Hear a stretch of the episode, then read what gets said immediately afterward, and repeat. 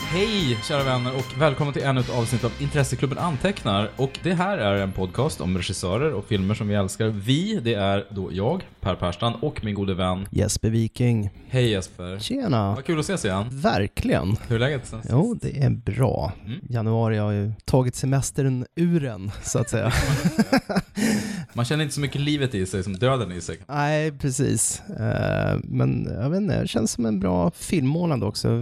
Kickstartade på ett proffsigt vis. Mm. Sen har det ju sakta men säkert blivit mer letargiskt och stelt med filmtittandet, men Mm. det ska nog styras upp igen. Vad har hänt sen senast egentligen? Eh, Ja, i filmvärlden, vi pratade lite om John Hart i senaste Ja, just det. Indy 4. Han har ju... Ja, det var ju synd. Svintrist. Det är väl egentligen som de flesta, att det är väl som eh, Ash i Alien som man minns honom. Säger jag fel nu? Kane var Nej, var det Ash? Nej, Kane. Kane, Ash var igen home. roboten. Ja, Spoiler. ja exakt. Det här spoilerskämtet måste vi sluta med. Aldrig. Nej. Nej, men eh, kanske också som Elefantmannen. Ja, vad hette den sa du? Jo, det var jag kände till den också. Jo, men absolut. I- Historielös. Nej, det måste vara en Ridley Scott. men man- Jo, nej men precis. Han har gjort så jävligt mycket. Han är me- mest känd som Ox i Kingdom of the Crystal Skull. Precis. Hans paradroll Ja. kommer återvända. ja, nej, det var ju väldigt tråkigt såklart. Emmanuel Riva dog ju också, precis. Lite småtrist start på Mm. filmåret. För oss har det ju varit en lysande start på året, för vi har ju blivit med Det mecenater. har vi faktiskt. Ja. Det, det är värt att nämna. Vi har ju startat en så kallad Patreon-sida. Mm. Och det är då en, en eh, hemsida på World Wide Web där man kan gå in och stötta oss. Mm. Eh, det finns- Finansiellt och moraliskt. Ja men exakt, moraliskt stöd behöver vi ju mer än någonsin. Ja. Det behöver alla just nu. Det går till så att man, man betalar en, en summa pengar per månad. Vi är otroligt glada att vi redan, eh, ja, men nu är vi på ungefär en tusing i månaden ja, från er. Vilket Ja. vi är väldigt glada för. Vi hoppas ju såklart att det blir mer. Vi har ju redan fått ihop en fantastisk lista med människor här som är beredda att stötta Ja, oss. visst. Värmer eh, två påvra filmfantasters Mm. hjärtan. Eh, jag tycker vi ska namnge dem. Mm, absolut. Offentligt i etern. Eh, Till att börja med så vill vi utbringa ett stort tack till Rosie Gibson. Hon var först. Hon var först Mm. och därmed förevigad. Mm. I, och vi ställer henne i skåpet Ja. helt enkelt. Vilket hade pratat om. Jämte eh, övriga Han filmklassiker. står där med Jaws och E.T. och en massa härliga filmer. Ja, precis. Och Stefan Larsson, Mm. varmt tack till dig. Kasper Nowakowski. Tackar, tackar. Göran Bäckström, Stort tack. Gustav Hultgren Svensson, Underbart. Tack. Björn Finer, Björn, tack för det. tack så mycket, Mats Nilsson, Tackar. Peter Gilmstad, Mycket tacksam. stor filmfantast, Ja, verkligen. vet jag, Daniel Fält Ja, härligt Daniel. Tack. och Jesper Källgren. Mm. Att fylla dem med. Nej men det här är ju en härlig mix av människor vi känner och inte känner. Vi är otroligt Blandat sällskap Mm. helt enkelt, så det är väldigt roligt så de faktiskt. här eh, vi känner måste vi nu träffa i olika sociala sammanhang. Ja, just det. Leva upp till. De kan ställa krav på oss. Ja, precis. det slutgiltiga målet är att få in så pass mycket pengar så vi kan gå ner i tid på våra respektive jobb. Ja, Och eh, spela in oftare. ja det vore ju drömmen. Det vore superhärligt. Vi ligger ju på en gång i månaden nu och vi ser väl inte riktigt att det kan bli särskilt mycket oftare. Alltså det skulle räcka om varje lyssnare la kanske 1000 kronor i månaden. Så kan vi... Så hade det varit, ja absolut. Då är det lugnt. Då. Då kan vi sända live till och med, Ja. från Marbella. Precis. En gång i månaden. Ja. Dra med pengarna. Skämt åsido, vi ska inte hålla på och skoja om andra människors pengar såklart. Nej, Det var inte oseriöst. verkligen inte. Är ni själva sugna på att stödja oss så gå in på Patreon.com slash ICA Podcast. Exakt. Bortsett från f- filmtittande, har du ägnat dig åt något annat? Ja, jag har läst Something Wicked This Way Comes av Ray Bradbury. Ja, vad härligt. Ja, det var härligt. Det var Ja. min bokklubb. Det är ju en eh, klassisk, jag- den kom 62 eller 63 tror jag, handlar ju om ett, två pojkar i 12-13-årsåldern som under en dåsig sommarvecka kommer det ett tivoli till stan. Mm. Vilket är höjdpunkten i den här lilla hålan de bor i. Men de förstår att det är någonting väldigt sinistert bakom, sinistert bakom det här tivolit. Ja. Som reser runt och, ja vi ska inte avslöja någonting men det är ju Oktoberfolket. Ja, Oktoberfolket heter det på svenska såklart. Mm. Den var väldigt bra. Det, det... Den domänen är ledig för övrigt. Oktoberfolket.se. Den finns. Jaha, det borde Man man vill- Ja, faktiskt. Har man läst mycket Stephen King så märker man ju hur mycket Ray Bradbury har snott av Stephen King. Det är Ja, helt verkligen. sanslöst. Det här är ju 16 år före King. Men det är så lustigt. så här, Men vänta, det här var ju med i det och det här var ju med i Stand By Me och Kingen har ju, men, och det har han ju aldrig gjort någon hemlighet av heller. Hur Nej. hur röd han är, Ray. Nej. Han tackar ju honom jämt och sådär så det, det är inga konstigheter. Men det är, så, det är så mycket som Kingen har lånat så allting. Ja, och verkligen där. Inte bara americana-tematiken utan även hans sätt att bygga upp rollfigurer och... Men precis. Det handlar väldigt mycket om att vara ung och det handlar om ens syn på åldrande. Om man är hungrig på livet eller om man är pappan i Tena-pojkarna har otrolig dödsångest och vill bli yngre så att säga. Och den mäktiga grejen i, i den här boken är ju att de här eh, otäcka tivoli-figurerna har en karusell som snurrar då. Ja, just det. Så man Snurrar. blir äldre eller Alltså, Precis, yngre. Man kan bli äldre, alltså, Mm. föryngras eller föråldras. Man kan sätta folk genom att förvandla dem till bebisar eller till åldringar. Den här har ju en otrolig dragningskraft både mot någon som vill bli, bli lite äldre och uppleva hur det var vuxen och den som är rädd för att leva Mm. och som vill bli yngre så Nej, jävligt intressant tematik. Den var, den var bra. Nej men sen eh, håller jag på, ska precis läsa klart The Princess Diaries. Mm, Carrie Fisher. För en annan sak som hänt sen vi spelade in senast var ju att hon eh, har gått bort. Och det är ju Hon såg sig själv CGI-ad och bara var trillade omkull. slutet. Hon han som dog dagen efter Rogue One. Det var ju fascinerande att hon såg sämre ut än Grand Moff Tarkin egentligen. Ja. Jag tyckte inte det såg ut som Carrie Fisher ung heller. Det såg ut som Amy Schumer i, i Leia-frisyr. Och Amy Schumer har gjort ett photoshoot när hon är utklädd till Leia. Ja. Kanske bara tog Ja, exakt. Ja, precis. Dåligt googlat av eh, renderarna helt enkelt. De behövde referensbilder. Ja. Nej men hon, slä- eh, Carrie Fisher släppte ju bara precis slutet på november The Princess Diaries. Mm. Som är hennes senaste och tyvärr då sista bok. Hon skrev ju väldigt Ett bra. gäng böcker. Jag har inte läst alla, jag läste den här eh, Wishful Drinking. Ja. På hennes eh, enmansföreställning eller enpersonsföreställning. Den var ju svinbra. Mm. Postcards from the Edge då, har du läst den? Jag har inte läst den, sett filmen såklart. Ja. Hon skriver ju svinbra. Det var ju det som var hennes stora begåvning. Som var ju en grym skådis också. Ja, ja, absolut. Alltså, i Star men Wars det är kunde en- inte liksom spänna muskler. Det ena utesluter ju inte det andra. Nej, men det, det var väl kanske i eh, den litterära världen hon fick eh, ja, men, utforska sin talang Jo. till fullo. Mm. Det visste jag inte egentligen förrän nu när det skrevs så mycket om henne efter hennes bortgång att hon var väldigt flitig manusdoktor också. Ja. Många år. Hon var bra på dialog. Ja, precis. Och togs ofta in för att sätt- sätta lite piff på massa filmer. Hyvla bort det träaktiga. Eh, Princess Diaries bygger ju på att hon hittade sina dagböcker som, eh, eller as the story goes i alla fall. Hon skrev dagbok under inspelningen av Star Wars i England då. Ja. 77 och då hon hade en affär med Harrison Ford. Vilket ju eh, har varit hemligt. Men den, boken handlar ju om att de hade en affär där under tre månader. Hon var ju bara 19 år tror jag. Ja. Var ju äldre då. Och gift dessutom med Ja. Melissa Matheson. Ja, Var det Melissa då? Nej, det, Han hade en fru ja, det innan. var nog frugan innan var det nog. Mm, det skulle vi ha kollat upp. Dålig research. Ja, verkligen. Vi har stenhård De koll. skilde, de, de skilde sig strax efter eh, första Star Wars, så det, måste, det kan inte ha varit Matheson. Det- Hon kommer in sen. Ja, exakt. Ja, hur som helst. Jag är så stolt över att jag läst en bok. Ja. Googla upp de, de enklaste uppgifterna. Det är, hon skriver ju jävligt salt alltså. Hon har ju enorma, hon har ju varit med om så mycket. Enorma skopor självråden och varenda sida dryper av one-liners liksom. Jag kommer ihåg en- när jag läste litteraturvetenskap så läste jag typ Dorian Grays porträtt. Och då så här, sida upp och sida ner, men av eh, sentenser, one-liners av Oscar Wilde. Ja. Jag hade läst lösryckta bara, och bara. Vänta nu, på den här sidan så kommer tre sådana här odödliga uttryck som man har hört i hela sitt liv. Och det är lite så här Ett pärlband liksom av... eh, jag får den känslan att hon bara pepprar texten. Så det, det är en lång beskrivning av hur det gick till och sen är det hennes dagboksutdrag som ju verkligen känns att de är skrivna av en ung person. Om jag ska vara taskig så är de det, det minst intressanta egentligen. För att det är ju ganska mycket egenmäktigt förfarande över det här. Hon är jätteförälskad i honom, men han är det här tysta, stoiska, säger ju ingenting. Han är Nej. en kulturman. Ja. Eh, och De har, de, har, de har sex liksom, men de, de pratar egentligen inte med honom. Hon kommer aldrig nära honom. Och hon är ju, och det, det här kan hon ju verkligen beklaga eh, så här efteråt, att hon förstår ju inte hur söt och härlig hon var då. Hon var ju så jätteosäker. ja, just det. Hon var tjock och allt sånt där som, som man bara tror i sitt liv. Men en del av de här dagboksanteckningarna låter precis som en Smiths-text, som Smiths-texter också. Ja. En del är som bad poetry och en del är som en Smiths texter och andra är jättevälskrivna så. Ja. Men det är en väldigt rolig bok. Jag vet ju inte om, om hon snackade med Harrison Ford innan hon släppte den här heller. Nej men Princess Diaries eh, kan jag verkligen rekommendera. Det är en fin läsupplevelse. Finns den i pocketversionen? Nej, inte än. Nej. Den kom i slutet på november, inbunden. Så jag tror att det, den borde väl komma under våren på Pocket. Men du, apropå Harrison Ford. Det är ju faktiskt honom vi ska prata om ikväll. Ja, det är det faktiskt. Förra gången då snackade vi om en av hans signaturroller, Mm. Indiana Jones, och täckte hela den filmsviten. Mm. Och sen så var vi lite inne på att göra något med topp tre Steven Spielberg-filmer, men insåg att vi har redan pratat om alla våra topp tre Steven Spielberg-filmer. Så det skulle bli lite krystat att liksom lyfta fram War Horse och Amish död och- The Terminal och sånt där. Ja.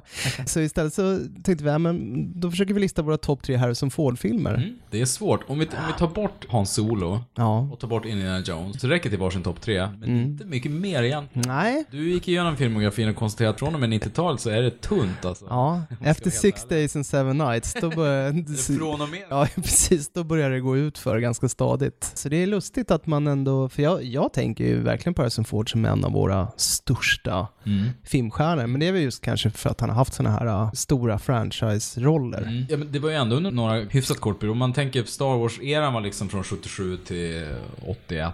Ja. Nej, 83 är det väl? 82? Ja, ja jag vet inte. 83 är det väl, kom väl 77, Gäddins 80, återkomst. 83 kom de Ja. ja. ja, det, vi- det visste Ja. jag ju. Skojar bara. Och sen eh, etablerade han ju Indiana Jones då fram till 89 kan man ju säga. Ja, Han grundmurade det under 80-talet. Sen, sen hade han ju en, en andra vind då som Jack Ryan i de här Tom Clancy-filmerna. ja. Hans tredje stora franchise. ja, men sen var han ju också, han hade ju någon fas där när han var lite en sån här romantisk leading man Mm. ett tag i typ Working Girl och Sabrina och såna här filmer. Precis, då han fick vara både snygg och lite rolig. Ja, och ofta var han en sån här lite, ja men en sorts amerikansk Colin Firth typ. En sån här lite stel och butter Ja, Mm. precis. Mm. finansman som ska mjukna under en kvinnas varsamma hand. precis. Nej, men han är ju, som vi lyckades etablera i eh, förra avsnittet efter mycket komplicerad matematik, 74 bast Mm. idag. Född eh, 1942 i- från Chicago, Illinois. Mm. En blues brother. Det är mycket så här som man vet om Harrison Ford, att han är snickare från början och självlärd och, Mm. och sådär. Att han bodde på en ranch. När Ja. han bodde i Hollywood så ville han vara på sin ranch och snickra antifilmstjärna. Han är också eh, på senare dagar en väldigt miljöengagerad person. Eh, han har ju varit ordförande för den här, eh, ja, vad fan hette den nu igen då? Conservation International, en stor miljöskyddsorganisation där han har varit väldigt eh, aktiv. Så han har ju faktiskt fått en spindel uppkallad efter sig. Det är också en sån här trivia jag inte visste om. Calponia Harrison Fordi. Han upptäcktes 1993. Ja, vad har vi mer på Harrison Ford? Nej, men det jag var inne på tidigare var att han grundlade den här filmstjärnestatusen ganska tidigt. Ja, det gjorde han Han ju har ju verkligen. levt på det och att vi ser honom som filmstjärna. Nu, nu har han ju fått en ny våg då i och med Force Awakens. Det blev en kort... Mm. Ja, Han just blev det. rätt kluven där Ja. eh, i slutet. Nej men gud vilken dålig ordvits. Han blev ju inte kluven. Han, han föll lite. Nej, han hade inget där. Nej, Han föll för rollen. Föll för Ja. rollen. Men jag tror att det var ett krav från hans sida att han skulle dö. Mm. Det här tror jag vi har pratat om någon tidigare podd, men han ville ju dö redan i, och i ens återkomst han ville bli. Det känns som att han vill begrava alla såna här äh, ikoniska Ja, Mm. roller som folk tjatar på att han ska fortsätta med Vi får hela se om tiden. han dör nu i Blade Runner 2049 Ja, också. och i Indy 5. Ja, börjar med att han ligger på Kanske blir den skådis som dör flest gånger inom loppet av två år på bio. kanske. Som avlever flest ikoniska rollfigurer. Ja, Så är det ju och det är ju ganska s- det är svårt. Om vi hoppar fram så nu på senare år så är det ju, har han gjort mycket dussinrullar liksom. Firewall, den här IT-thrillern med Paul Bettany. ja. Inte så bra. Paranoia, en- den har jag inte sett, den med Gary Oldman. Det är Den han har så här kort hår va, och fula glasögon. Ja, Förfulat honom. ja exakt. Och Cow- Cowboys and Aliens, det här legendariska box office-fiaskot med Daniel Craig. Ja, just det. Det var i- inte ens i teorin en särskilt kul mashup tycker jag Nej. egentligen. Nej, men jag tänker på Harrison Ford signum som skådis. Han har ju liksom alltid haft den här uh, lovable rogue-personen som gjorde att Hans-Olo blev så lyckad som rollfigur också. Den här uh, glimten i ögat. Men den verkar han ju ha lagt åt sidan under senare delen av sin karriär. Nu går ju liksom hans skådespeleri ut mest på att gå runt och se sådär äh, surmulet förbannad Som ut. en butter som du sa Ja, tidigare. det är, konstigt i det Mm. handen. var han och Clint Eastwood som Grumpy old man. Ja, och det kan ju också vara bidragande. Man saknar på något sätt den här den charmige Harrison. Med det sagt så har vi ändå lyckats eh, få till varsin topp tre. Det har vi. Med viss Ja, men reservation. man gillar ju Harrison Ford jättemycket. Man gillar honom. Han verkar vara en, en- liksom en hyfsat bra person. Och man gillar ju hans rollfigurer. Man gillar ju hans solo såklart. Men det, man får gräva lite för att hitta. Ja, Eller de filmer vi kommer att prata om är ju fantastiska filmer allihopa. Men det finns inte jättemycket utanför det att jobba med. nej faktiskt inte. Senast jag såg honom i var Enders Game. Ja, Han gör väl en okej roll men det, Ja. filmen var ju inte så. nej. Det är en väldigt svår eh, roman att filmatisera också. Så att ja, de ska ha beröm för ansatsen men Mm. det blev inte riktigt.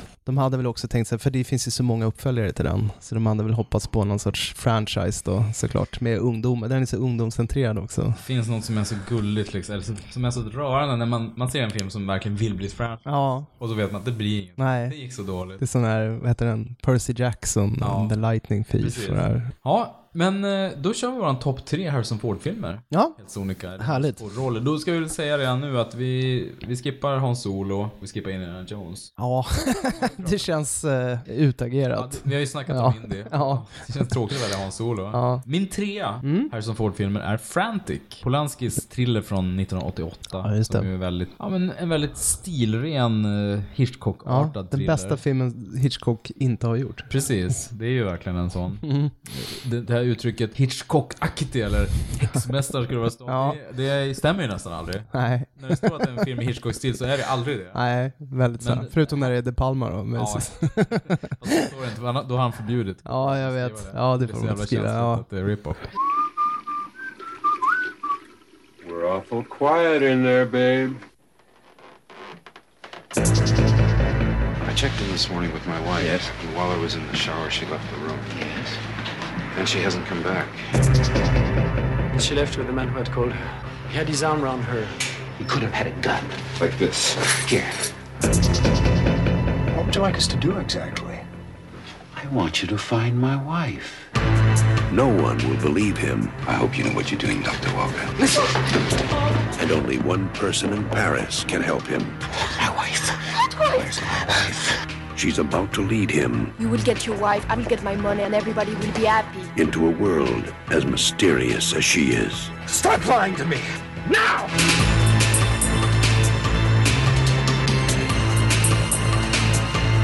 What began as a holiday in Paris became a journey into suspense. Harrison Ford in a Roman Polanski film. Frantic.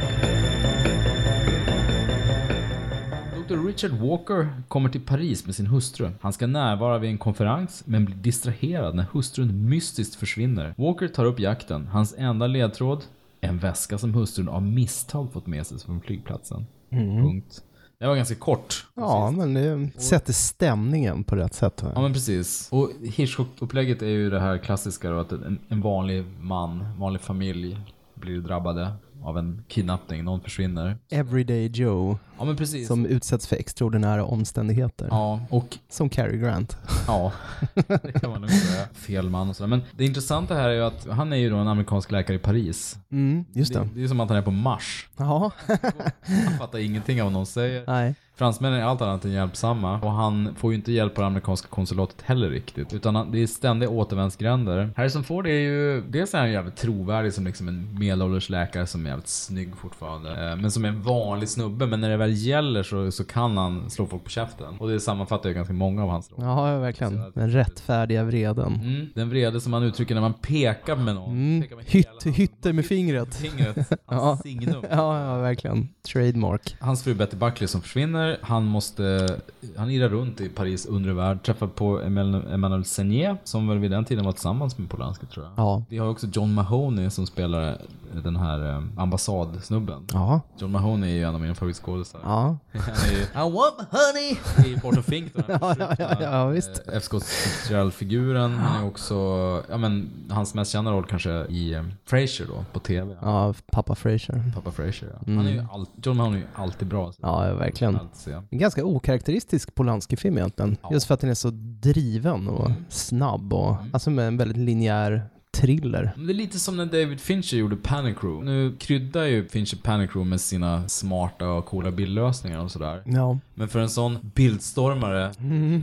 använder ett töntigt uttryck, så, så är den ju en- ändå ganska rak och väldigt, väldigt så här, tydlig genrerulle. Och det är ju samma sak med, med Frantic, att Polanski som, som utforskat liksom, psykisk ohälsa, ja men exakt. sexualitet och vampyrer och gjort Shakespeare, gjort så jäkla mycket som ofta gör psykologiska ganska obehagliga thrillers. Att göra en så Mm. Jobbar pass mycket rak- med ambivalens och... Ja men precis. Men just därför, den är, det är nästan som att den är så schematiskt uppbyggd. Det finns nästan inga, inget tvivel i den eller något dubbeltydigt. Men det är det som gör att den är så effektiv. Ja, ja, ja. Jag minns det som en av 80-talets bättre action-thrillers. Och Det var också på, i en era då en, en europeiskt producerad thrillerfilm var fullständigt självklar. Mm. Det är det ju inte på samma sätt idag. Nej. Sådär. Nu, eh, jag vet inte, men det är kanske typ eh, Ivan släpper någon fransk thriller någon gång vart åttonde år eller något sånt där. Så går den någon vecka på bio och, så, och sen finns den på vod typ. Men det är lu- lustigt. eh. Tuvanatu. Ja, ja, just det. Jo, nej men alltså en annan Hitchcock-grej är ju att det ur- urartar i någon jakt på någon sån här sändare. Ja, just det. Ja, ja, verkligen. Roll egentligen. The Rabbit's Foot. Ja men lite så är det ju.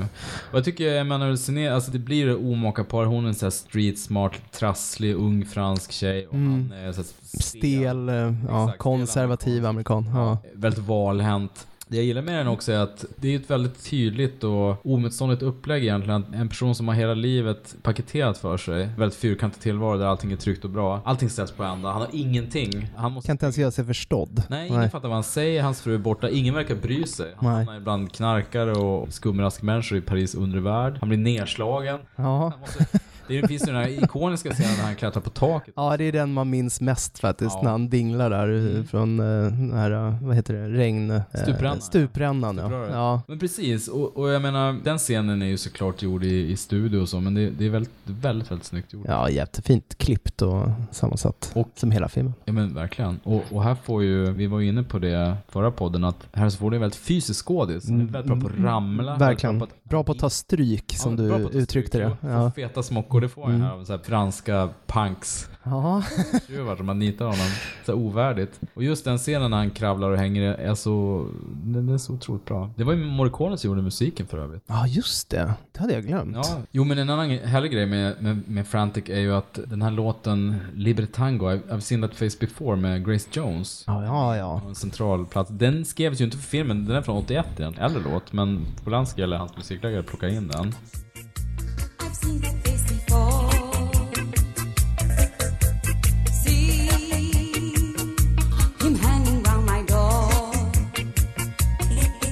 like a horn, stealing for the prey, like a knife, waiting for the day. Strange, he shadows me back home. Footsteps echo on the stone. Rainy nights on Hoffman Boulevard. Kan någonting vara mer symboliskt för Paris Nej. än en... Det, den, Grace den är så Jones otroligt- låt. Nej, precis. Men den känns såhär nattklubbig och lite farlig och Ja. sexig och så här. Känns helt rätt. Den var ju inte med på soundtracket. Trivia är att den var också med i Raw Deal. ja, Schwarzenegger. fint sällskap. Verkligen. Ja. Ja, en bra double feature. mycket bra double feature.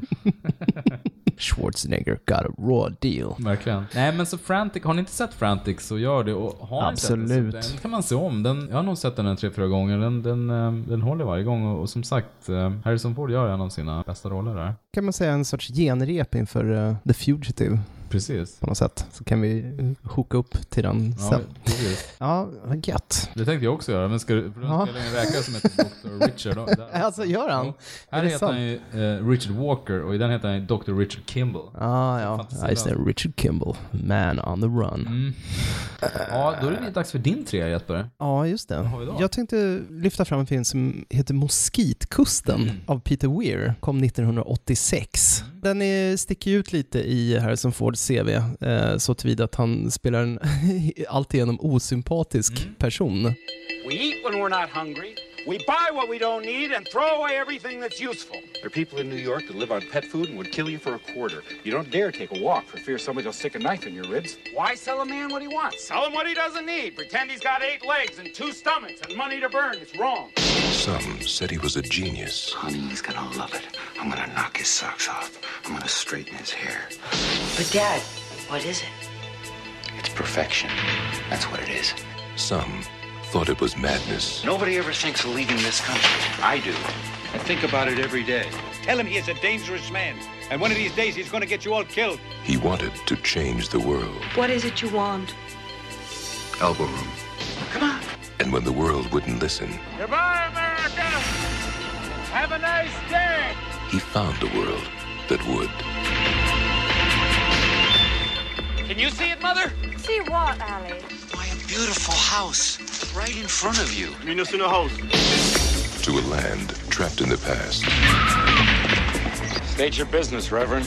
It's the Lord's business. Ally Fox är en excentrisk uppfinnare som tröttnat på USA med dess våld, girighet och materialism. Han ger sig av med sin familj, det vill säga frun, sönerna Charlie och Jerry samt två mindre tvillingdöttrar till Moskitkusten någonstans i Mellanamerika för att leva sunt. Av en full tysk köper han borgmästarämbetet till en liten djungelstad, Geronimo, som visar sig vara bara några primitiva hyddor. Men efter några månaders hårt arbete har Ally och lokalbefolkningen byggt en helt ny välfungerande stad. Ally har också förverkligat sitt projekt att bygga en jättelik kylanordning som drivs med ammoniak. En dag dyker tre soldater oanmälda upp. Punkt. Ja, kör vi tre soldater här. Kan vi komma torsdag eftermiddag? Vi snackade ju lite innan om det här, att, apropå det här att hans eh, karriär har dalat lite sedan 90-talet. Och jag- det känns lite som att just Moskitkusten är Fords enda riktiga risktagning. Mm, faktiskt. Och den fick ju väldigt blandad kritik också. Jag tror delvis för att han gjorde rollen så himla bra, så att han, den blev nästan olidlig.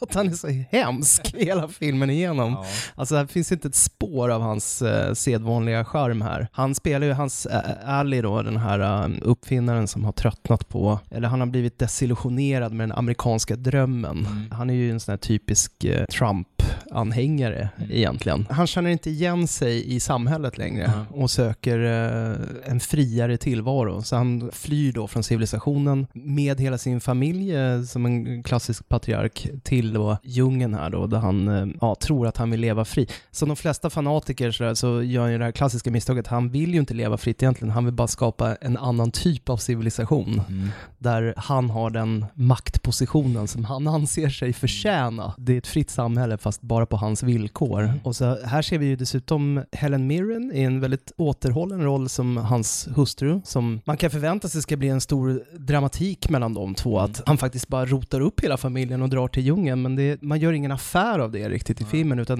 den, den handlar ju mer om ja, men just misslyckade megalomaner och hur de är sin egen värsta fiende på något sätt. Han eh, slåss ju mot väderkvarnar hela filmen igenom och, och, och den återges genom ögonen av hans äldste son då, som spelas av River Phoenix i en eh, otroligt bra gestaltning som han alltid var. Några år innan han skulle göra Indiana Jones 3 då. Precis. För han är ju en uppfinnare då, då. Som sagt, han har ju eh, kommit på bland annat den här ismaskinen som blir hans stora så här, civilisation. Han ska tvinga på de här vildarna i djungeln sin ismaskin. Så, att, så att vidare är ju, har ju många likheter med det- Werner Herzogs filmer som Fitzcarraldo eller Agir i Guds vrede och sådana här megalomaner som är som, orubbliga i sin övertygelse på bekostnad av alla omkring sig. Och den är ju otroligt vackert fotad dessutom. Mm. Peter Weir jobbar ju med den här John Sale som eh, är en mästare. Men Peter Weir är ju en väldigt eh, intressant filmskapare, australiensaren. Han kommer aldrig på tal riktigt sådär när man snackar om favoritregissörer, men annars har han gjort väldigt många av ens bästa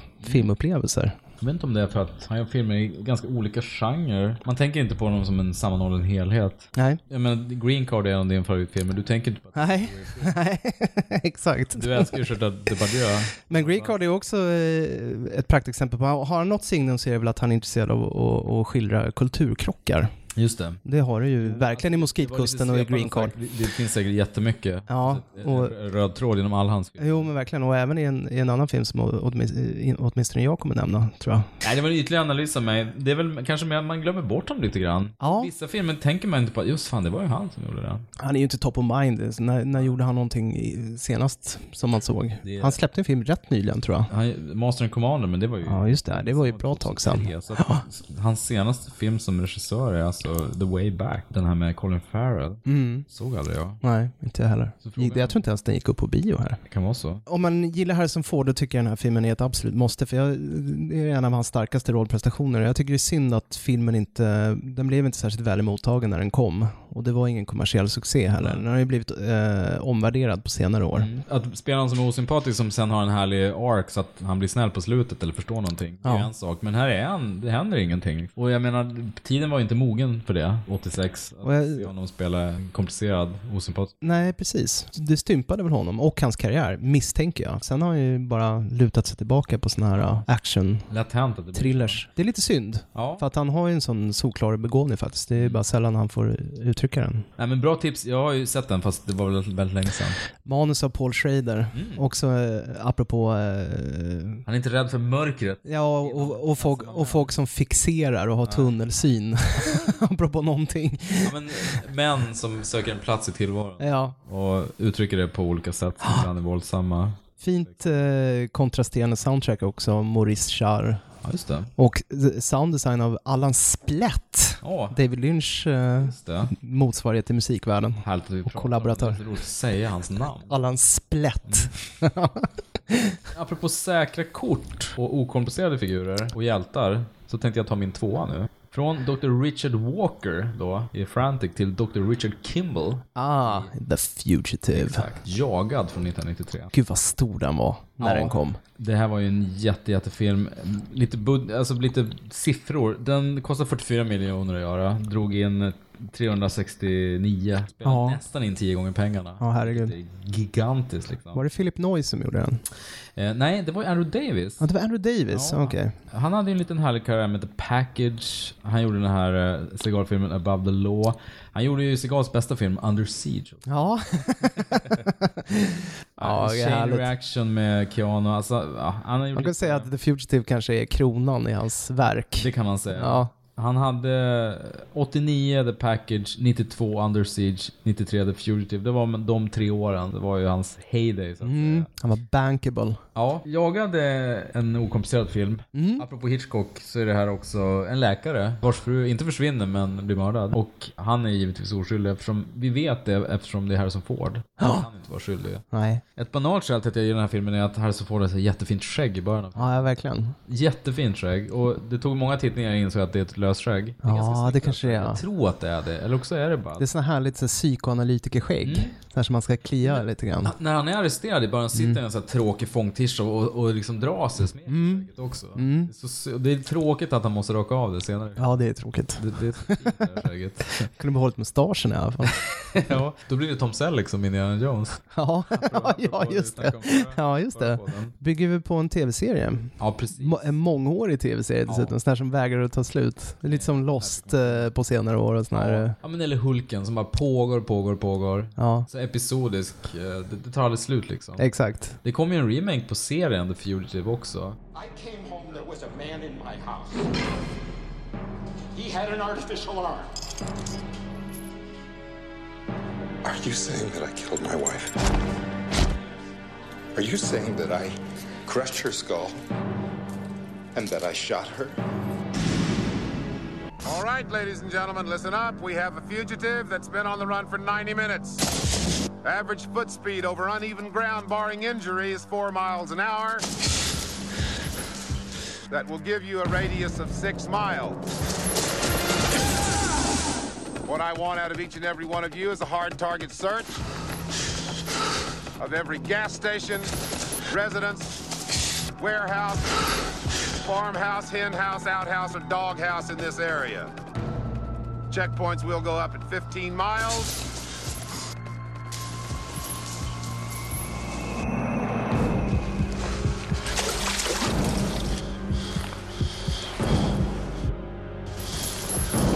Your fugitive's name is Dr. Richard Kimball. Go get him. Läkaren Richard Kimballs hustru mördas av en enarmad man. Men polisen tror att det var Richard själv som mördade henne. Snart döms han för mordet. Under en fångtransport lyckas han fly, men en envis delstatssheriff, Gerard, som aldrig vill ge upp, är efter honom. Kimball måste hålla sig undan samtidigt som han försöker hitta den enarmade mannen. Ja. Gerard och Sam Gerard spelas ju av Tommy Lee Jones. ja, det här var väl hans s- stora mainstream Visst var det det? breakthrough.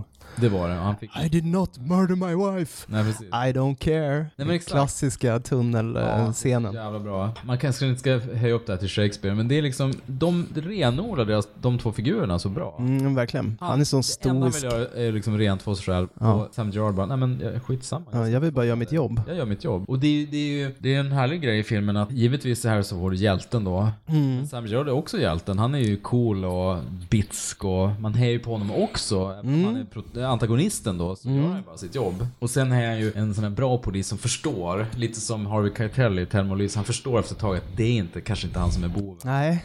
Kom in ändå, Ja. så löser det tillsammans. Eller Robert Duvall i ehm, Falling Down. Han får sympati. Mm. Overkligt. Ja. Nej, men det, det jag gillar med Jagar det är att från, från och med den här från transporten som brakar och han rymmer så är det ju egentligen en, en lång, lång jakt i ganska högt tempo. Utan några större krusiduller. Det är en hetsjakt. Ja, det är ju Det vill säga det. rakt av. Den är väldigt välberättad, välklippt. Men också är det ett väldigt bra persongalleri i den. Mm. Vi har ju snackat om hjälten och boven, men sen har ju Är inte typ Joe Pantoliano med? Exakt, Som Joe han... Pants är med. Ja. Det här gänget som eh, Sam Gerard omger sig med, det är John Pantoliani och så är det... Det här är ju skådespelare som man inte har sett så mycket. Nej. Danny Roebuck heter en av dem. Tom Ja. Wood är väl en, en annan snubbe. Det är den här smala snubben som eh, blir döv nästan när de ja, just det. nära honom. Ja. Och så är det ju hon L. Scott Caldwell som... eh, Ja just det, hon spelar ju Rose sen på Lost Mm, just det. på senare år. Just Hon är det. så jävla bra. Så det är ju så här, han har ju så här diverse team. Sen gillar jag ju den här Andreas Katsula som spelar den här enarmade mannen. Ja, han är bra. Det här är ju en otroligt renodlad jaktfilm. eh, Ja, den här tropen med en, en oskyldig man som dels måste, som, som vi var inne på på Wikipedia, han måste dels undkomma polisen och sen måste han utreda sitt eget brott. Och det är så fint när han dyker upp på, när han gömmer sig på ett sjukhus. Eftersom han är läkare så ser han att en pojke då som någon stressad läkare bara skriver om som typ blindtarmen, eller vad det är, han har ont i magen så här. Han Ja, ja, ja just det. Han har... så han skriver en ny diagnos på journalen, skickar iväg honom till akut och någon ser bara, oh shit vi måste, för då är han ju utklädd bara till någon så här eh, Ja, allmänläkare. Ja, ja, Ja, just det. vaktis Precis. är Ja, det. ja, precis ja. Så Men han var det. ser det, skriver någon signatur och Julian Moore då som jag tror man såg här kanske första gången. Mm, kan det ha varit. Eh, Väldigt tidigt i alla fall. Mm. Förstår jag att stanna, då drar han ju direkt. Ja. Då kan hon få säga till Sam George sen att jo men det var något med den här killen. Det var en jävligt snygg. men han verkar också vara läkarkunnig. Felfritt manus. Jo. ja, det är lite, det är lite pajigt egentligen. Sen tycker jag ändå att eh, det- grundstoryn, hur han blir framad av en kollega och vem det egentligen är som är mördaren, är lite lökt egentligen. Mm. Det är tillräckligt bra. Det är sekundärt egentligen. Ja, det det, är... resan som eh, är hela poängen. Exakt. Och jag tycker att det, det finns så många, det finns så många härliga scener. Den här standoffen i vattenfallet är Ja, jävligt bra. just Jag det. gillar också när de är ute på, är, är de i New York eller Boston när det är St. Patrick's Day-paraden. man Ja, drar på sig en, en sån här ful grön ja. ja.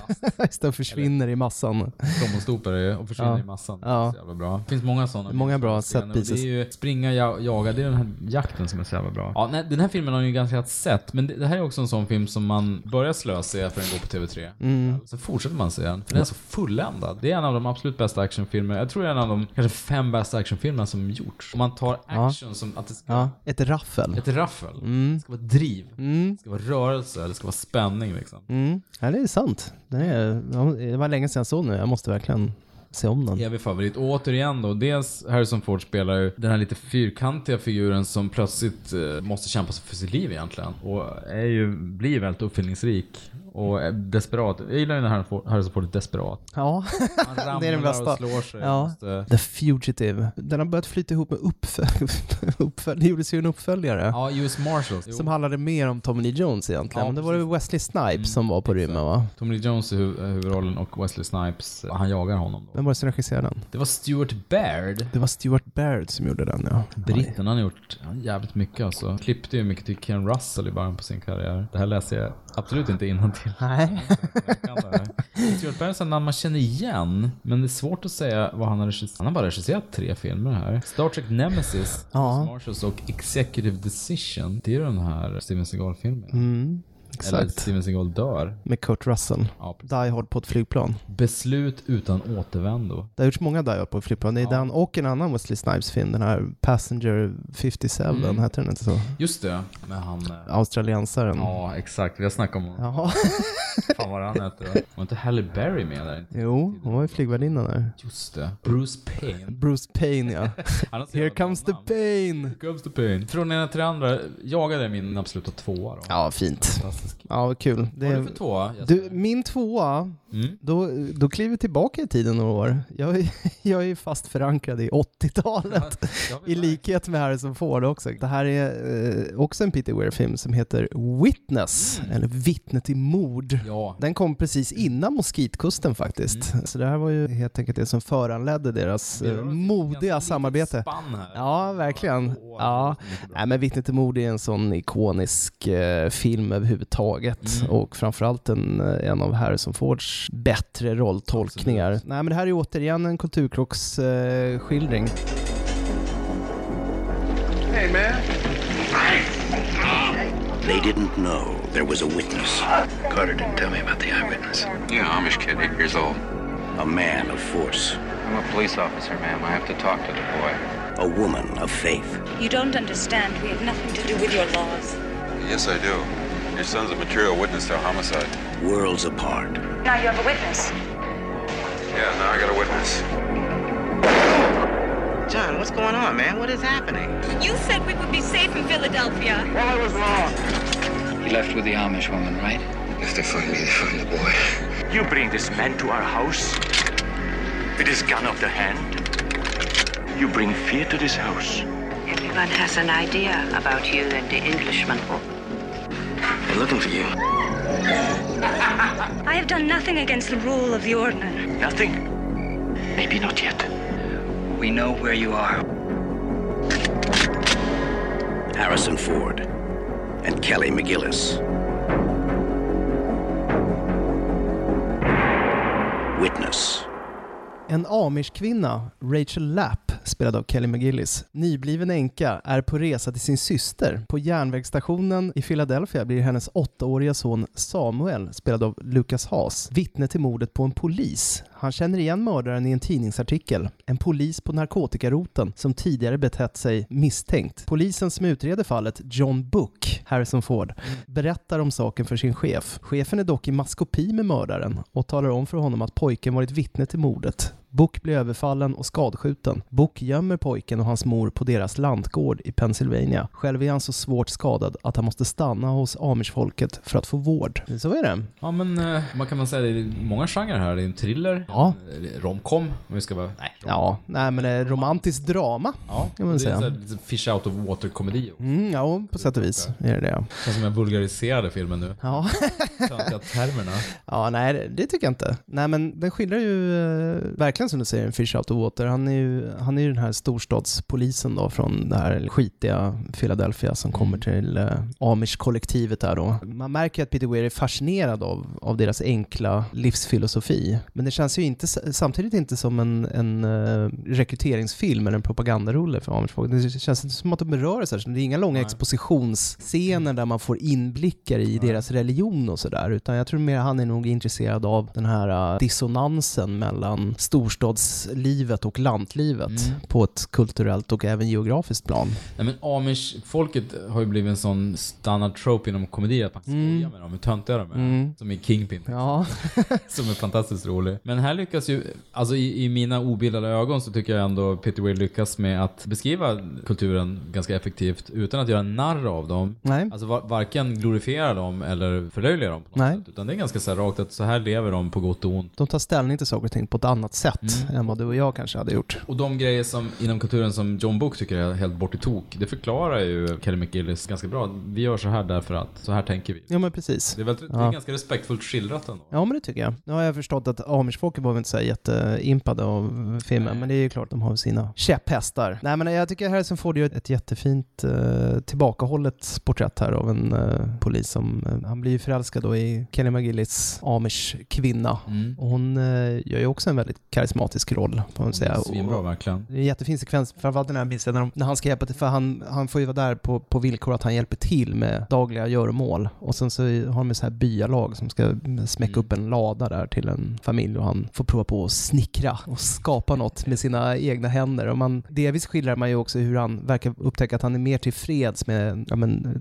direkt resultat av sitt arbete kanske jämfört med sitt polisyrke. Men också väldigt fin skildrat hur hur hon bara genom att betrakta honom, fast faller för honom. och Att han är en, eh, en god man. Mm, han får ju också en väldigt nära relation då till pojken som spelas av Lucas Haas. Jag tänker på slutet, som ändå är, kanske för sin tid, lite kontroversiellt, men knappast idag. Det här att han faktiskt väljer att åka tillbaks Mm. till storstan och lämna dem på landet. Det känns också bara så vuxet Det är det på något mest sätt. sannolika slutet. Ja men verkligen. Jag menar, hon måste ju vara säker på att hon skaffar en man som kan committa till att ta hand om pojken hela livet. Mm. Och det, det funkar ju bara inte. Liksom. Oh. Båda fattar att det, det, det är tråkigt men det ska inte funka. Den är ju... Liksom Ivanhoe. Ja, men exakt. Ja, jag tycker en, en film som eh, tycker den eh, också har ett driv som funkar väldigt bra. Den, det är en stillsam film, men den blir aldrig långsam. Nej. Framförallt så tycker jag han lyckas skildra de här kontrasterna mellan just den här farofyllda storstadsdjungeln och den här eh, oförstörda Pennsylvanias vidder på ett slående sätt. Det var ju också eh, John Sayles som fotade den här, den är jättefint eh, fotograferad. Och väldigt bra skurkar, eh, framförallt Danny Glover som, eh, ja, man ändå på något sätt fortfarande ser som den här gruffiga mysfarbrorn i Dödligt vapen-filmerna som var too old for this shit hela tiden. Nasty, typ. den här filmen. Han är ju fruktansvärt obehaglig. Det här mordet på den offentliga toaletten är ju otroligt spännande skildrad. Jag kommer ihåg jag såg det på filmkrönikan när jag var liten. Lite för liten. Det är jätteotäckt där. Så jäkla snyggt plåtat och klippt. Otroligt suggestivt. Han är och eh, Lucas Hass säger ingenting. Det är bara hans enorma ögon som tar in allt. Han gömmer sig på toaletten och drar upp fötterna på toalocket. Och, mm. Klumpigt tittar under så men det finns ingen. Ja, det är, Det är rysligt. läskigt.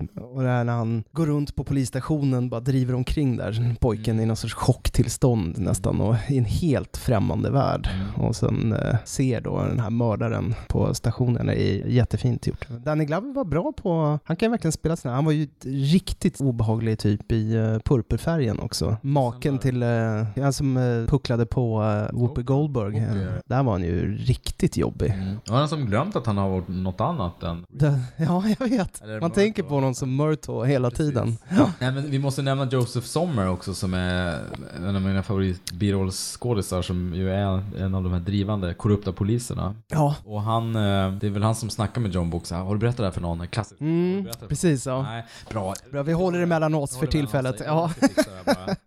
Uscha. Och det blir lite så här westernfilmsvibbar när de, du vet de kommer ut med bilen så här. Mm. Ungefär som eh, Possit eller Diligensen kommer som med mördarna. Mm. Man vet att nu, nu kommer de, film noir. Det blir så Ja, eller Outland som också är en sån här eh, Precis. western-parafras. Exakt. Smarrig grej. Lucas Haas är ju som sagt, det var väl hans, måste varit hans filmdebut. Tror det. Eller hur? Han har inte gjort så himla mycket mer egentligen, Lucas Nej. Haas. Man tänker bara, vad har man mer sett honom i? Mars Attacks, Eh, typ. Ja, Brick. Ja, han var med i Johnson. Everyone Says I Love You. Där spelar han ju den här eh, Goldie Hawn och Allan Aldas grabb som är, är em, republikan. Och de är så bedrövade över det. Det har jag glömt bort. Och sen så visar det sig att han hade en hjärntumör. så de tar bort den så blir han demokrat igen. Och det han kan ändå. Det är lite kul. Ja, nej men det är fint och eh, framförallt just att den öppnar så himla starkt som ett, ja, men nästan som en slasher-rulle. Mm. Och sen eh, romantiskt drama. Det finns en ikonisk scen där i, i ladan Ja, med, precis. när han spelar eh, musik på bilradion och de dansar och faller för varandra. Mm. Men det var det vi snackade om, eller du pro- tog upp på en tidigare podd. Det fanns ju en vurm på 80-talet att man skulle ta 50-talslåtar. Ja, just det. Don't know much about history. De står och dansar där, det var så himla härligt. Han ska Ja. Eh. laga bilen. Ja visst, de flesta har säkert sett den men helt värt eh, en, en omtitt tycker jag, Vittne till Verkligen. Mm. mord. eh. Riktigt, riktigt bra. Här ser man ju också eh, Viggo Mortensen i en tidig roll. det. Och, eh, ja vad heter han nu, Carl från eh, Die Hard. Hejduken. Den blonde. Den blonde ja, som är eh, Harrison Fords... eh, Just det, för, eh, Alexander Godunov. Ja, Godunov ja. Just det, precis. Hans rival i eh, kärlekstriangeln. Nu är jag jävligt sugen på att höra vilken ditt första val är. Ja, nej men vi har ju snackat, apropå ikoniska roller så finns det ju en Mm. kvar som vi inte har snackat om. Och ettan, Harrison Fords kanon, måste ändå bli Blade Runner. Ja, det är ju givetvis min också. Är det det? Ja, Ja. det är det. There can be only one. Precis. Och det är ju Blade Runner från 1982. Vill du eh, höra en Jesper-flashback? Ja, gärna. Första gången jag såg Blade Runner. En gång i tiden så gick det en eh, färja mellan eh, Göteborg och Felixstowe i England. Och på den färjan färja om Sutherland-biograf som sig bör på en ordentlig dygnslång färja. På den så såg jag Blade Runner och Konan Barbaren som kom samma år. Mussig WB. Ja, jag är verkligen den bästa båtresan jag någonsin har gjort. Det var överlag ett eh, bra filmår 1982. The Thing kom ju också då. Och Wrath of Khan. Oj. Och E E.T. Yes. Starka formativa filmer helt enkelt. Ja, nej men Blade Runner, vad säger man? nej. Det är som Rutger Hauer sa någon gång att man behöver inte förklara Blade Runner, den bara är. Vad är. Vi har ju ibland dragit oss för att just prata om sådana här... Ja men vi nämnde ju det Mm. i förra podden också, att det, det känns så avhandlat Vad ska man säga? redan. Ja. vad ska man säga? There was an escape from the off-world colonies two weeks ago. Six replicants. I need you, Dex. I need the old Blade Runner. Replicants are like any other machine. They're either a benefit or a hazard. If they're a benefit, it's not my problem. I'm Rachel. Deckard, They were designed to copy human beings in every way. How can it not know what it is? Commerce is our goal here at Tyrell. More human than human is our motto.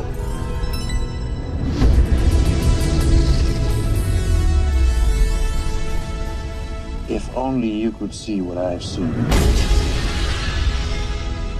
What seems to be the problem? I want more life. It's too bad she won't live. But then again, who does? More human than human is our motto.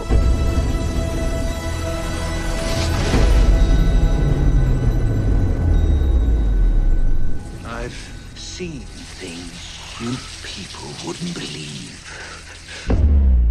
Handlingen äger rum i Los Angeles år 2019. Två år kvar bara. Det är framtiden fortfarande. Människan har lyckats framställa androider, organiska robotar som är nästan omöjliga att skilja från vanliga människor. Dessa kallas replikanter och de brukas som slavar av människorna. Efter en serie blodiga uppror bannlyses replikanterna från jorden och deras liv begränsas till fyra år. En speciell sorts poliser, så kallade Blade Runners, får i uppdrag att identifiera och döda alla replikanter som mot lagen befinner sig på jorden. Som för att motivera det moraliska i handlingen dödas inte en replikant utan den pensioneras. Deckard, spelad av Harrison Ford, är en före detta Blade Runner som blir återkallad till tjänst för att pensionera en grupp våldsamma replikanter som lyckas ta sig till jorden. I jakten på dessa replikanter som gör allt för att få leva möter Deckard inte bara livsfara utan även svåra frågor om både sina motståndares och sin egen natur. Det var en ganska bra beskrivning. Ja, heltäckande. En intressant genreblandning av thriller, sci-fi och- och film noir egentligen. Ja, det är verkligen en så kallad neo-noir. Exakt. Just det här med berättarröst också. Mm. Då är ju frågan vilket team man är på, om man är team berättare. Är du team voiceover eller ej? Jag är team voiceover. Jag Ja. älskar voiceover. Jag är väl det. I versionen är det ju inte voiceover då som... Nej, Bort det. the final cut. Mm. Ja. Nej, men jag är också pro voiceover ända till slutet tror jag. Det, är- det är därför, det kan vi återkomma till. Men eh, generellt, Blade Runner som film, är, att säga att det är en inflytelserik film är väl något av en underdrift. Hur den har influerat populärkultur överlag. Film, litteratur, musik, arkitektur. Alltså jag vet inte om den har någon motsvarighet. Möjligen 2001 som kommer upp i samma nivå av Mm. inverkan. Häpnadsväckande. Jag menar, Ridley Scott är ju ingen eh, briljant regissör. Det räcker ju att snegla på hans verkförteckning för att konstatera det. Men det han är bäst på, det är världsbyggande. Mm. Och den här filmen känns så komplett i sin begreppsvärld. Alltså man bara köper hela Mm. världen och det är där man vill återvända till hela tiden. Jag har ju sett den här filmen säkert, ja minst 30 gånger skulle jag tro. Det är ju en av de absoluta styrkorna med filmen. Mm. Man köper den här världen rakt av. Och det är så roligt också med tanke på, som med alla filmer, att eh, det var ju så många regissörer påtänkta innan och andra skådisar hit och dit och olika manuspersoner. Den här filmen är väl det närmsta man kommer en sorts perfekt storm av omständigheter. Mm. Det var ju långt ifrån en problemfri Nej, produktion. Verkligen, om man, Harrison Ford skulle ju inte lista den här som sin favoritfilm. det tror jag verkligen inte. Han och Ridley Scott kom inte överens. Han är mycket roligare på Six Days Seven Nights. Förmodligen. För han avskyr ju voiceovern. Ja. Det är ju ganska mycket en eftergift. Det är Mm. kanske därför han låter så avmätt också. Mm. Samtidigt är det härligt att höra hans röst. Men voiceovern signalerar ju tydligt att det här är en film noir fast i framtiden. Medan tar man bort den så blir filmen rikare på något sätt. Det blir mycket mer öppen för tolk. Symbolspråket framträder mycket tydligare om man inte har voiceovern. Egentligen är, det är ju egentligen bara mysfaktorn voice-faktorn. Mm, det är ju det. Vem gillar inte en voiceover? Där har vi också pratat om tidigare, men det är ju liksom att det är en sån slö devis Mm. på något sätt. Men den tillför ju också en sorts, ja just som du säger, en sorts välbehag. Exakt. Men jag tänker bara på den här visionen av eh, Los Angeles då som nu är globaliserad och multikulturell och smältdegel av olika influenser. Och sen den här eh, city speak-dialekten som framförallt Edward James Olmos som spelar eh, den här andra Blade Runnern, Gaff, tog till sig. Det är också en av styrkorna tror jag med filmen är att samtliga skådisar fick utrymme att utveckla sina rollfigurer på fri hand och gav sig själva någon sorts backstory. Edward James Olmos, vad jag har förstått, gick ju bananas på att komma på en egen sorts esperanto. Så han, han gav sig själv mer utrymme än vad manuset tillät egentligen. Han känns som en sån skådis som ska gå till botten med sin roll. Ja, ja, verkligen. Kanske för de flesta känns som, nej inte numera kanske, men för de flesta i vår generation känns som polischefen i Miami Vice. Samtidigt är det nästan som att han eh, har cementerat sig så mycket i dels Blade Runner men också Battlestar Galactica. Ja, just den här Nyversion. Spradama där ja. Ja, så Mm. att han, den är ju så rotad. Där har ju en produkt av 80-talet som är fast i 80-talet eftersom det Mm. handlar så mycket om 80-talsestetik. Ridley Scott, både här i Al- och i Alien, har ju visat att han, nu har han ju extremt bra medarbetare, men att han är en sån scenografimästare. Mm. Det är s- Precis som du sa med världsbyggande. Han är ju grafisk designer i grunden, det är, Ja, han det är utbildad märks till. ju verkligen. Mm. Det och att han tog in eh, Sydmid, den här eh, som man själv uttrycker det, en visual futurist. Han är en, en industridesign-visualiserare som ja, men har en singulär talang, inte bara för att, att ta fram briljanta produktkoncept, men även att s- sätta dem i ett sammanhang som är 100% trovärdigt. Det finns ju så jävla många versioner av den här filmen. Fan-edits och Ridley Scott har vi varit inne och rotat själv. Det finns sju versioner av den här filmen. Jävlar. Med bortklippta scener och voiceover eller inte. Jag har som sagt, jag tror jag nämnde det tidigare, jag har den här boxen med alla. Ja, du sa det förra podden till Mm, en mastodonttittning verkligen. Och gå igenom alla, men det är det värt faktiskt. Plus den här, eh, vad heter den, Dangerous Days heter den va, dokumentären. Det är ju required viewing faktiskt, om man är intresserad av filmproduktion överlag. Mm. För att den är väldigt uttömmande, bara från första synopsisstadiet fram till den färdiga produkten. De går verkligen igenom allt. Mm. Ja, men av alla boxar som släpptes för några år sedan, Mm. då är det att du köpte den där värsting... Metallgrunken med... Ja, så tror jag att den minsta enklaste boxen hade ändå dokumentären i sig. Mm. Filmen på en skiva och dokumentären på en skiva. Och Den är ju som, det är, det är så kul att den är längre än filmen. Liksom. Ja, ja, ja, ja verkligen. Den är otroligt genomarbetad. Ja, det, var ju som, det, var en, det var ju lite av en långbänk, en surdeg den här filmen helt enkelt. De höll på länge med den och det var mycket problem med produktionen. Och, ja, det, och så blev det bara ändå så, så jävla fint. Ändå är det många som ställs ganska likgiltiga inför Blade Runner. Är det inte bara att de tar den för given? På något sätt? Nej, men alltså folk som bara inte fattar grejen med den. Den är lite av en vattendelare. Det finns de av oss som återkommer till den gång på gång och sen så finns folk som ser den och, och förstår den kanske på ett estetiskt plan att den är fantastisk, men den, den greppar dem inte på något sätt. Och ett av de främsta klagomålen kring det brukar ju vara att Fords rollfigur Deckard är så um, tom, att han är liksom en, en endimensionell figur utan ett emotionellt djup. Men det tycker jag är hela grejen med Deckard, att han är ett skal. Han är ju en, eh, ex, ja, en existentiellt tom person som råkar vara jävligt bra på någonting som han inte är särskilt förtjust i. Han har på något sätt ja, men förlikat sig med en anonym existens i den här eh, enorma storstaden. Han är ju i sån extrem kontrast till Rutger Hauers rollfigur Roy Batty som på något sätt är skurken. Han är ju eh, ledare för de här replikanterna, men det är ju han man hejar på egentligen. Ja, hans drivkraft är att han har en livslust. Ja, han har en enorm livslust och han liksom greppar desperat efter mera liv hela tiden. Han är ju verkligen... eh, Och han har fått en eh, jävligt dålig deal av, av människorna. Ja, och han är ju som, alltså enligt The Kurgans devis i Highlander, it's better to burn out than to fade away. Det är hans livsmotto. Var inte det Neil Youngs devis? Ja. jag tänkte i ett filmsammanhang då. jag tänker på det gång på gång att det är liksom ändå det- det är Roy Batty man hejar på i slutändan. Och sen tematiskt, s- som du var inne på, så handlar den ju så mycket just om identitet och ja, men vår relation och vårt ansvar kring teknologi och, och försöka definiera vad liv är och, och vilka ska få leva och så vidare. Nu är vi tillbaka i Frankenstein-problematiken När igen. Människor börjar leka gud och skapa sina avbilder Ja. och styr över dem som att de vore gudfader själva. Och därtill då ett extremt atmosfäriskt, eteriskt soundtrack av Vangelis. Som inte vann pris. Nej, skamligt. Ja, faktiskt. Den musiken gör ju väldigt mycket för filmen. Extremt mycket. Atmosfär. Den är otroligt viktig. يا قلبي القورود مني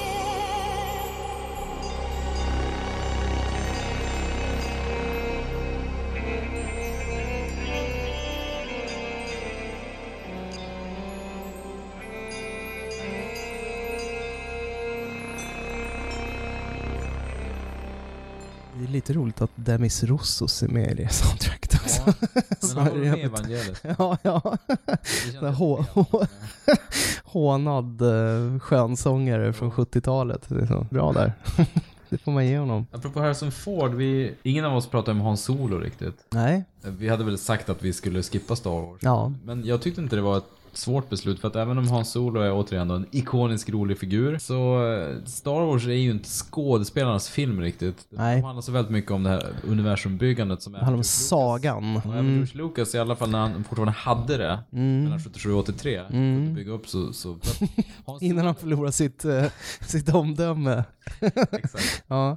Tappade huvudet totalt. Ja. Hans Solo i all ära, men Hans Solo är ingenting utan Luke eller Leia eller Vader. Alltså, det är det här persongalleriet. Så att han ensam är svår att bryta ut från de filmerna. Mm. Men eh, jag tycker inte samma diskussion går att applicera på Blade Runner ändå. Även om Nej. jag håller med det du är inne på, att han är en ganska tom figur, så är han en, det är ju en intressant karaktär egentligen. Ja. Han spelar. Men han har ju liksom somnat in emotionellt på Eh. Ja. Mm. något sätt. Det är när han, först när han träffar den här Rachel och hennes existentiella ångest som han vaknar till liv Det är ju en igen. klassisk noir-figur, Ah. den här detektiven som är ganska luttrad Mm. eh, och som egentligen inte bryr sig om någonting mer än sin paycheck. Men, så dyker Men det är bara ett skal, ett, Ja, det är- skydds, ett jo. skyddslager. Precis, Mm. han har ju ett hjärta av guld någonstans. Mm. Mm. Man är rädd för att bli sårad och så vidare. Mm.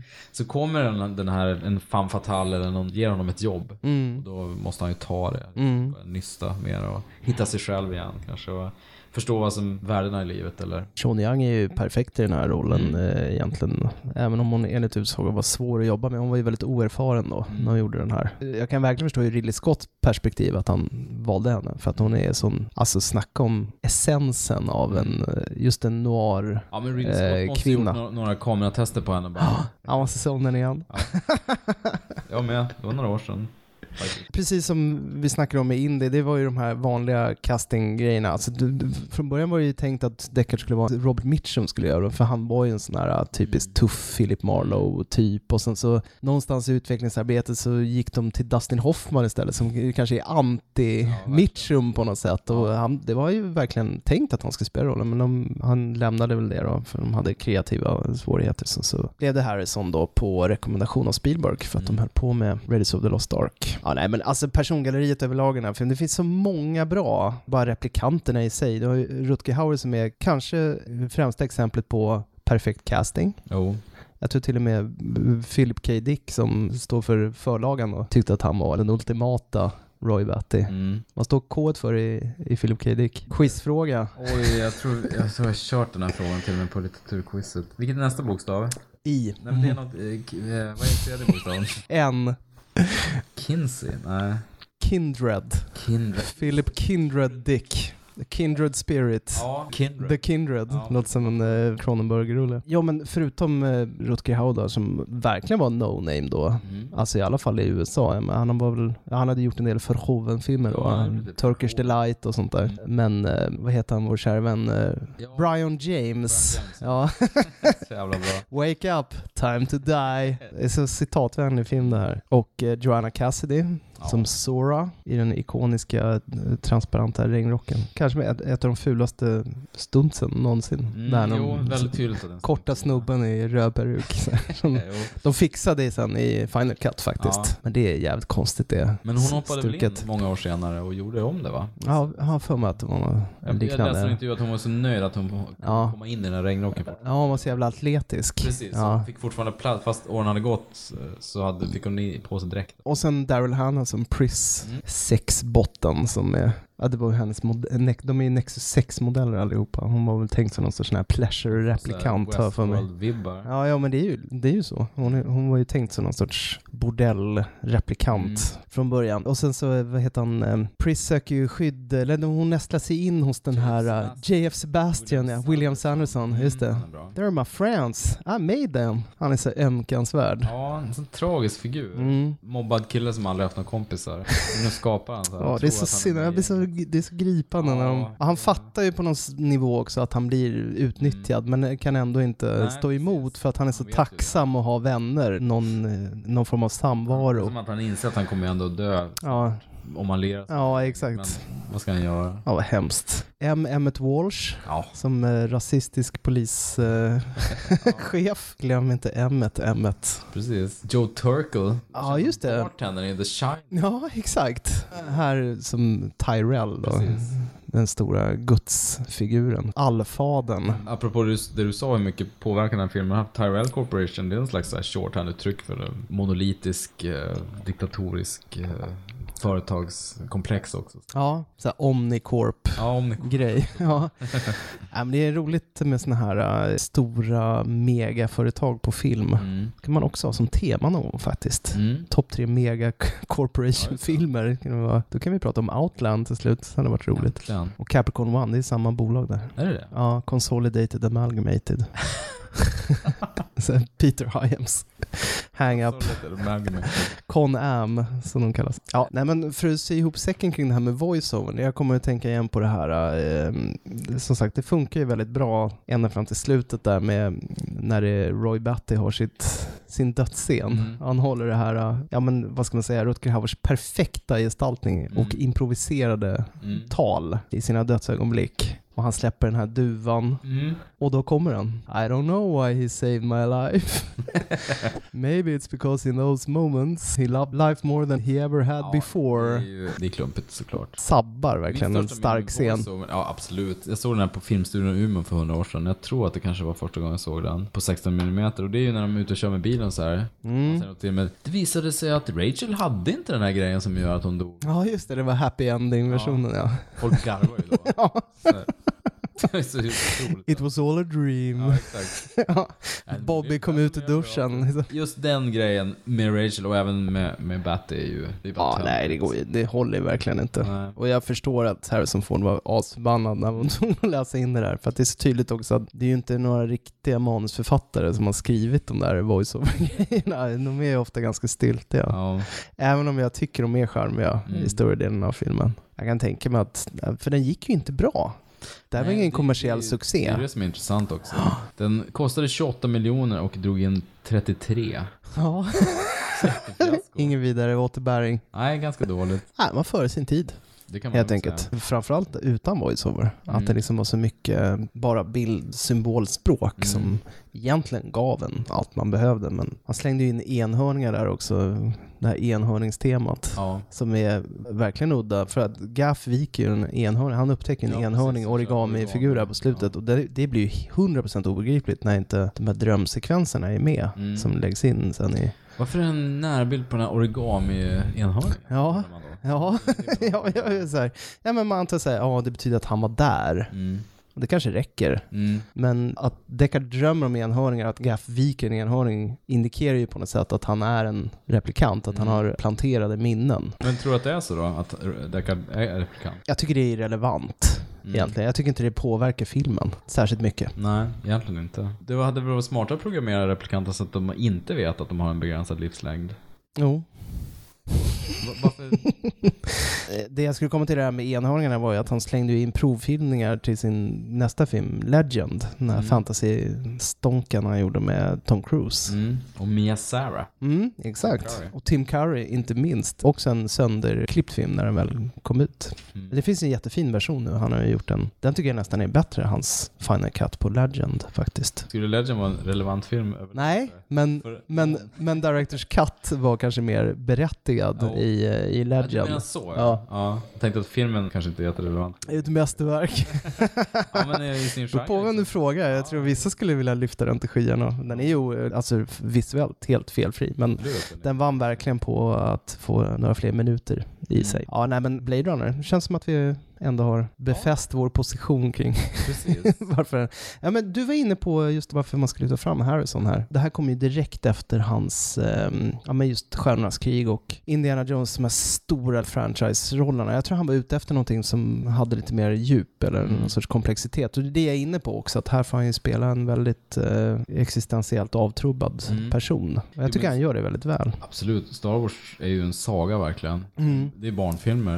Det här var ju något som var lite mer tog motstånd. Och jag tänker på, framförallt, det, nyckelscenen för mig, apropå det, är ju det här när han och eh, Rachel har eh, har eh, legat med varandra. Och han vaknar, ja, det är så här pry, jag vet inte, jag pryder igen, Han sitter där och rodnar. När de, när de har haft, gått i brudsäng med varandra. när, eh, när han vaknar och hon är borta och han eh, fumlar runt där i sin mörka, fantastiska lägenhet och eh, får ur sig något så här halvkvävt Rachel, undrande var hon är någonstans. Och Det är mycket behov och längtan i det anropet. Mm. Han är jättefint skildrat faktiskt. Ja, smarrigt. Mycket bra. Det var det. Det var det. det, var, det var Harrison Ford. Nu kan vi ställa Harrison i skåpet. Vi placerar väl Blade Runner i skåpet nu? är det inte så? vi sätter den i skåpet. Ja, nu pratar vi inte mer om Blade Runner. Sa de med en lättnadens Nej, men Det är känns en rimligt självklarhet. ändå. Nu Ja. står den i skåpet. Mm. Ja, tack för att ni lyssnade. Som alltid så ber vi er gärna betygsätta oss på iTunes.